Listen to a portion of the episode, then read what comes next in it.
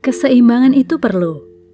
Makanan atau vitamin saja, sekalipun itu baik, namun jika berlebihan mengonsumsinya, akan membahayakan tubuh. Di sisi lain, dalam hidup ada hak dan kewajiban. Demikian pula, kasih dan disiplin perlu berjalan beriringan. Terlalu mengasihi hingga memanjakan justru akan membahayakan. Dalam hidup, masing-masing kita diberi kesempatan yang sama, 24 jam.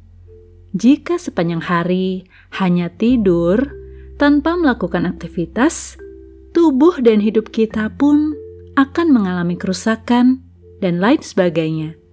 Mari tata hidup kita dengan baik dan seimbang, baik tubuh, jiwa, dan roh, dan berbagai hal lainnya.